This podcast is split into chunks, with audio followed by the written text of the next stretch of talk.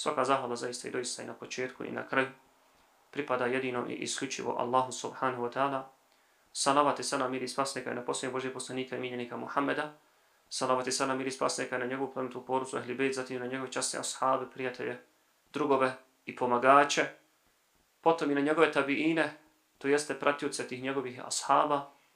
I na koncu, salavat i salam miri spasnika i na sve generacije vjernika koje njih nastavi u stopu pratiti u činjenju dobra i odvraćanju od zla do sudnjega dana. Amin.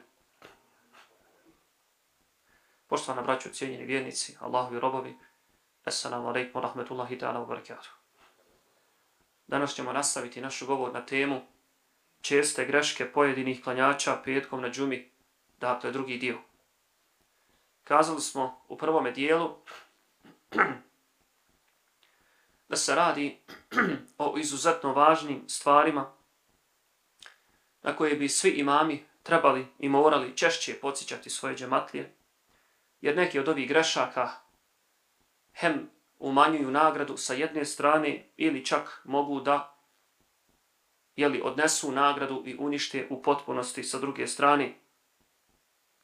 Želja nam je dakle ukazati na neke najčešće vidljive greške, propuste, koje se mogu vidjeti prilikom džuma namaza, a i prilikom drugih namaza, ali evo, petkom, tokom džume, pred džumu, prije džume, tokom džume, poslije džume, te greške su jeli, masovno vidljive. S obzirom da je namaz stup islama, i s obzirom da je namaz prvo zašto će čovjek biti pitan, i s obzirom da je namaz kriterij, osnovni kriterij, valjanosti čovjekovih drugih dijela. Jer onaj, i to je Allahov sunnet kosmološki na zemlji, onaj koji fušeri u namazu, on fušeri i u svim drugim ibadetima i vjerovatno nije ni svjestan toga. Onaj koji fušeri u obavljanju namaza na bilo koji način, sigurno fušeri i u drugim ibadetima, a da vjerovatno on toga nije nije ni svjestan. Imajući sve ovo u vidu i posebno one hadise koje smo citirali vezano za nagradu dolaska na džumu rano petkom za svaki korak kao da je čovjek godinu dana dobrovoljno postio i dobrovoljno namaz obavljao i tako dalje i tako dalje, zaista je ulog u danu petka veliki. Neki od tih grešaka, prošli put smo spomenuli pod brojem 1, neki ljudi, subhanallah, propuštaju džumu. Ne dođe na džumu nikako. Ili se nemarno ophode prema džumi. Pa smo naveli nekoliko hadisa, teških hadisa, ne mogu teži. Da onaj ko propusti tri džume, da uzvišeni Allah zapečati njegovo srce, da on više nije svjestan grijeha uopšte. Da grijesi više ne utiču na njega. Da srce kao korektor istine, najbolji, najjači, ne reaguje više na grijehe.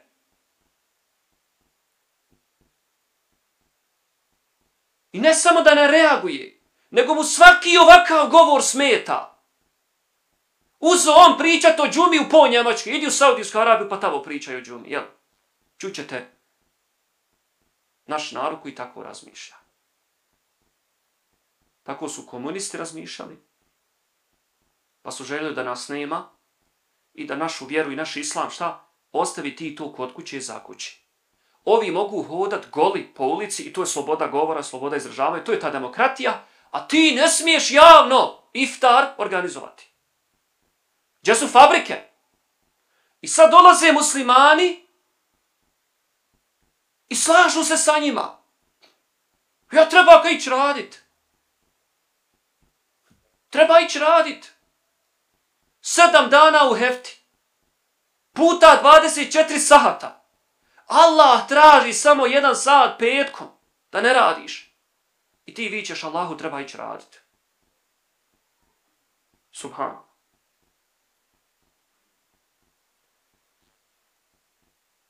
Za one koji bez opravdanog šarijetskog razloga propuste džumu, a iskreni su u nastojanju da to popravi, da to prestanu, ima jedno rješenje. Od Sebure ibn Džunduba, radijallahu ta'ala anhu, se prenosi da je vjerovjesnik sallallahu alaihi wasallam rekao ko propusti džumu bez šerijatski validnog razloga. U drugoj predaji, koga prođe džuma bez šerijatski validnog razloga, kaže felijete sadak bi dinar, neka udjeli sadake jedan dinar, ako hoće da se popravi. Ako nema jedan dinar, onda može i pola dinara. Vjerovjesnikov dinar, sallallahu alaihi wasallam, danas, ja sam malo prije to provjerio na berzi, vrijedi 4,25 grama zlata. I ako pretvorite ovo u eure, jedan dinar je 234,5 eura. Često su naši prethodnici, kad bi uvidjeli da ne mogu grijeh da ostave, sebe bi kažnjavali tako što bi davali sadaku u velikim iznosima, pa bi, kaže, ostavili grijehe iz ljubavi prema Dunjaluku. Nećeš Allaha radi da ostaviš ostavljanje džume, e sad ćeš ostaviti zbog ljubavi prema parama. Aj, Bojno svaki petak daj 235 eura. Sadake, ako si iskren da želiš da, ne budeš od onih koji propuštaju džumu. Ebu Tajib Muhammed Šemsul Haq al-Azim Abadi u svome komentaru na sunen Ebu Davuda koji bilježi ovaj hadis kaže smatra da se dijeljenjem sadake onaj koji je propustio džumu bez opravdanog razloga time ne može u potpunosti osloboditi odgovornosti. Međutim, može samo ublažiti svoju odgovornost i grijeh. A da bi u potpunosti izbrisao taj grijeh, on se uz dijeljenje sadake mora i iskreno pokajati i od Allaha zatražiti oprost.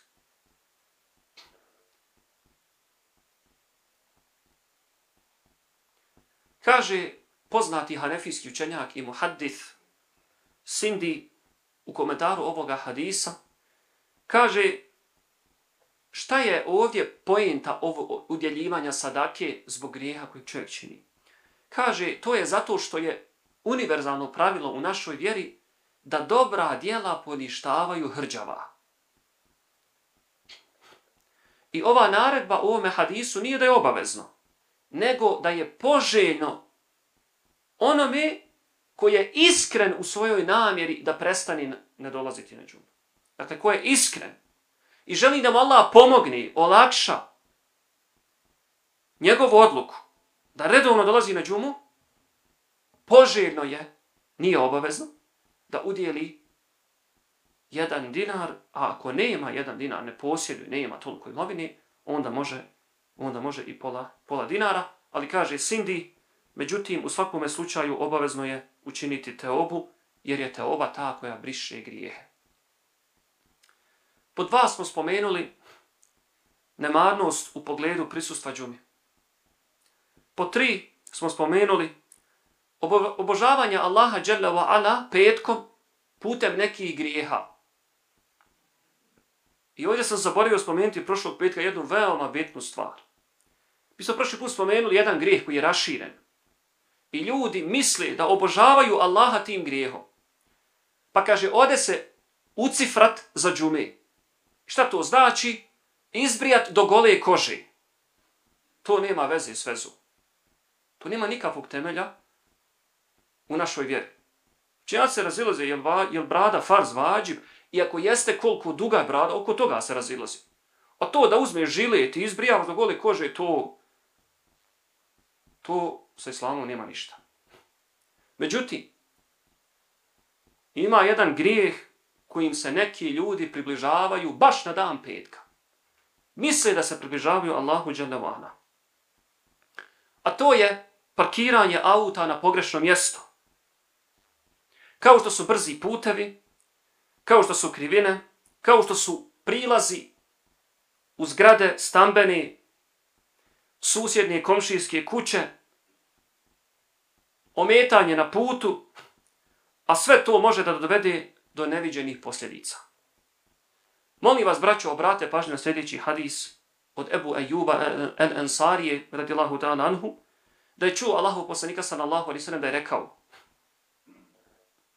Nabraja poslanik kakvu nagradu dobija onaj koji petkom dođe na džumu pa kaže ko se okupa na dan petka, pa uzme i miris, na parfemiše se, namiriše se, ukoliko ima, obuće najljepšu odjeću, potom izađe iz svoje kuće i ode do mesčida, da tamo klanja ukoliko mu se ukaže il prilika, i kaže poslanik, i tom prilikom, وَلَمْ يُؤْذِ اَحَدًا Nikoga ne uznemiri, nikoga ne ezijeti, Kako, subhanallah, vjerniku ne naupadne. Došao si, sve si ovo uradio što je poslanik nabroju. I parkirao si na pogrešno namjerno. Brate, ezijetiš hiljadu ljudi, duša. Onaj komšija tamo je nama džematu poslao pismo upozorenje, nije tebi poslao. Čemu se može nadati takav vjernik? Došao je na džumu da skine sa vrata i ezijeti sve ljude koji su došli na džumu sve nas ovdje i srpleti i ezijeti. Pa nabraja da je poslanik i ne ezijeti nikoga, potom šuti kada imam izađe, kaže to mu biva kefaretom, otkupninom, ono što je između dvije džume. Dakle, ukoliko se svi ovi šartovi ovdje ne ispuni, nema nagrade za džumu. Okupo se, obuko se, namirsu se, na parfemsu se, došao ovdje, klanju, ali ezijetio sto duša ezijetio, uznemirio 500 duša. Na osnovu čega da dobiješ nagradu? Kakva je to logika? Hadi zabliži imam Ahmed u svome, svojem usnadu. Dakle, razmišljanja onoga da je njemu da skinje sa leđa i vrata, da je on klanio džumu, ne birajući sredstva, pri tome, kako da obavi džumu. Dakle, on ne bira sredstvo do cilja, on ima cilj u glavi, njegov cilj je to I u tom putu do tog cilja on ne bira, ne bira sredstvo.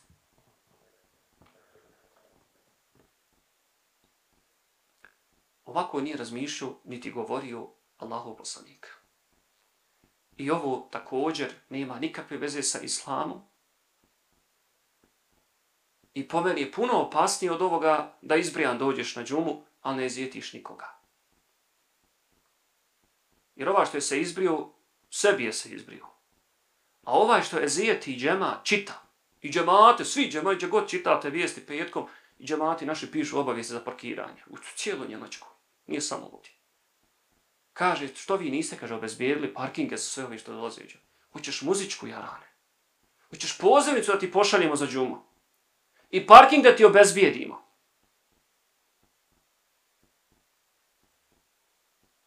Dakle, zamolio bi svu braću uljudnost ima svoje granice. Bezobrazluk, bezobrazluk, drskost, nećemo tolerisati.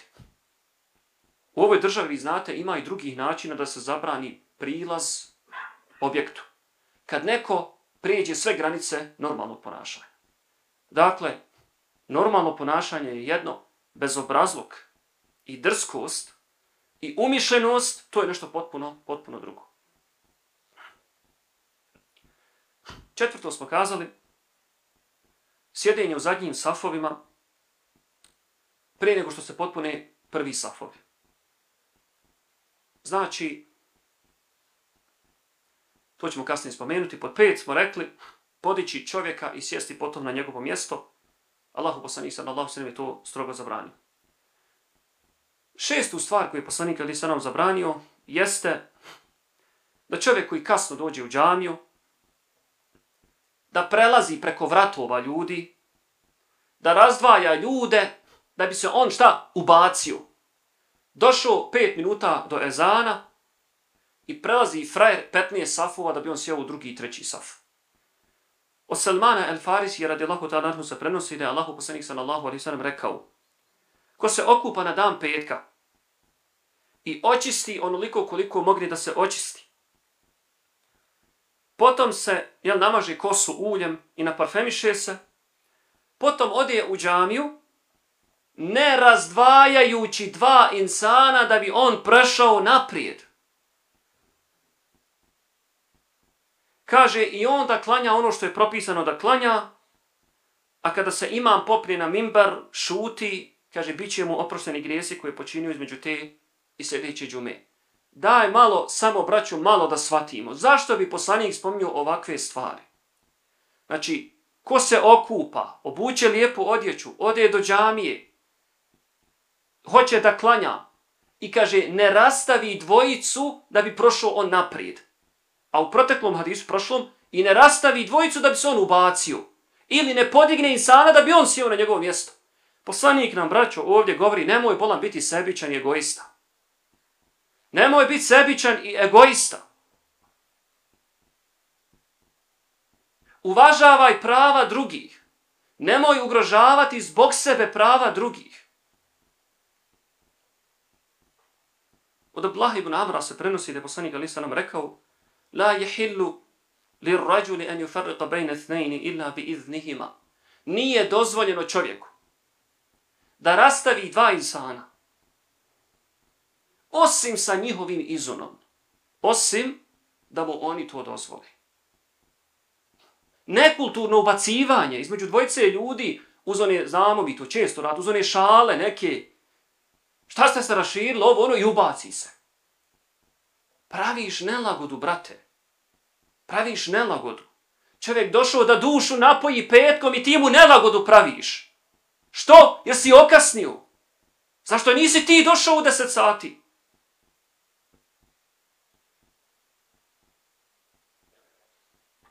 Zašto ugrožavaš drugog? Sebično, egoistično.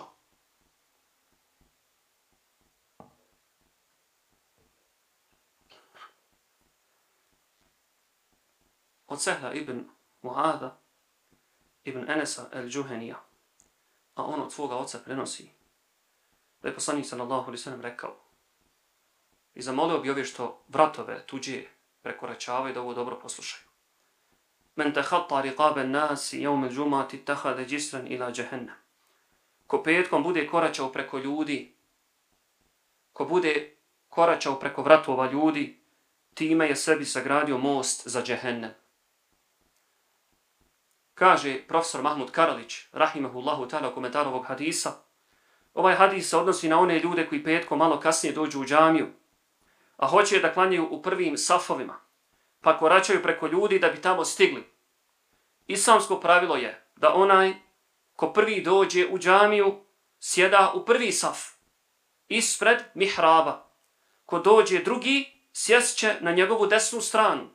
Ko dođe treći, sješće na njegovu lijevu stranu. I sve tako dok se ne popuni prvi saf. Na isti način će se popunjavati i ostali safovi. Nije dopušteno da ljudi koji prvi dođu u džamiju, sjedaju u zadnje safove, ostavljajući tako prazna mjesta u safovima ispred sebe, niti je dozvoljeno onome ko kasnije dođe da preko ljudi ide u prve safove. Ko tako bude postupao, sagradio je sebi most za džehennem, kako su neki razumjeli ovaj hadis. Ili će od njega biti napravljen most za džehennem, kako smatraju drugi učenjaci. A što potvrđuje i sljedeći hadis, ko prekorači preko svoga brata, Allah Đelešanuhu će ga na sudnjem danu učiniti mostom na vratima džahennema, zabilježeno u dijelu Musnadul Firdaus, a ovo zabilježio profesor Mahmud Efendija Karalić, rahimahullahu ta'ala, u Tirmizi razbici hadisa sa komentarom. Drugi tom, 131. i 132. stranca.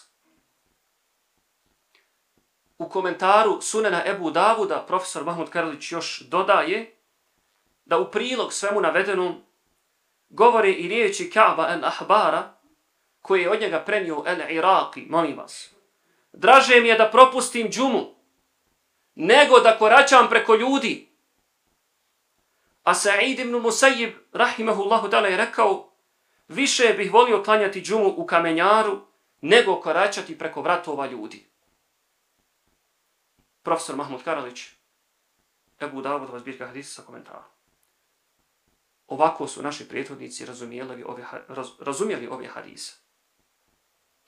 Od Ebu Ez Zahirije se prenosi, kaže, bio sam sjedio sa Abdullahom ibn Busrom na dan petka, pa je kaže došao neki čovjek i tako koračao preko vratova ljudi, Allahu poslanik sallallahu alejhi ve sellem kaže već držao hutbu i rekao mu kaže iđlis ti sjedi sjedi dole. Već si kaže uznemirio ljude sjedi dole kud si krenuo već si uznemirio ljude Nije nam drago vidjeti kad čekamo u gužvi pa neko bez obraza sa strane prođe i onda se dođe i da ga ti prepustiš, jel ne? Nikako ti nije drago. E tako poput toga liče i ovi, što dođu u zadnji i hoće gore u prvi i drugi saf da sjedne.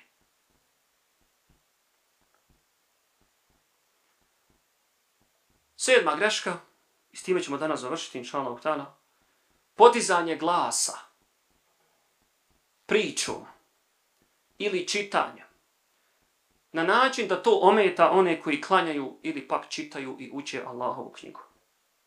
Od Ebu Sa'ida radijallahu ta'ala se prenosi da je Allahu poslanik sallallahu alaihi sallam bio u itikafu, u mesčiru pa je čuo ljude, ashabe, kako glasno, naglas uče Kur'an.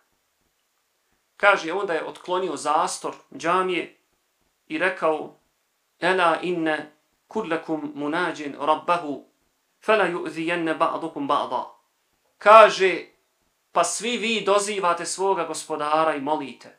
Nemojte boni uznemiravati jedni drugi. Zašto ti koji glasno pričaš? Zašto bolan misliš da imaš veći hak na mesti do drugih ljudi? Ko ti je dao to pravo? Jel ti Allah dao to pravo? Da pričaš? A 50-100 ljudi klanja. Otkud ti to pravo? Ili da učiš Kur'an na glas.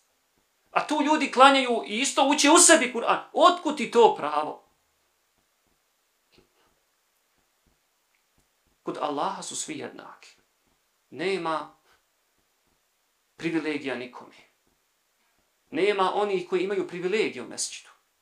U mesčidu pred Allahom su svi jednaki. I bijeli i crni. I slobodni i rob. Pa kaže dalje poslanik vada jarfa ba'dukum ala ba'din fil qira'a i nemojte podizati glasove prilikom učenja Kur'ana jedni nad drugima. Nastavit ćemo sljedećeg petka, inša Allah. بارك الله لي ولكم في القرآن العظيم ونفعني الله وإياكم ما فيه من الآيات وذكر الحكيم. أقول قولي هذا وأستغفر الله لي ولكم فاستغفروه إنه هو الغفور الرحيم. واذكروا الله يذكركم واشكروه على نعمه يزدكم ولذكر الله أكبر والله يعلم ما تصنعون. أقم الصلاة.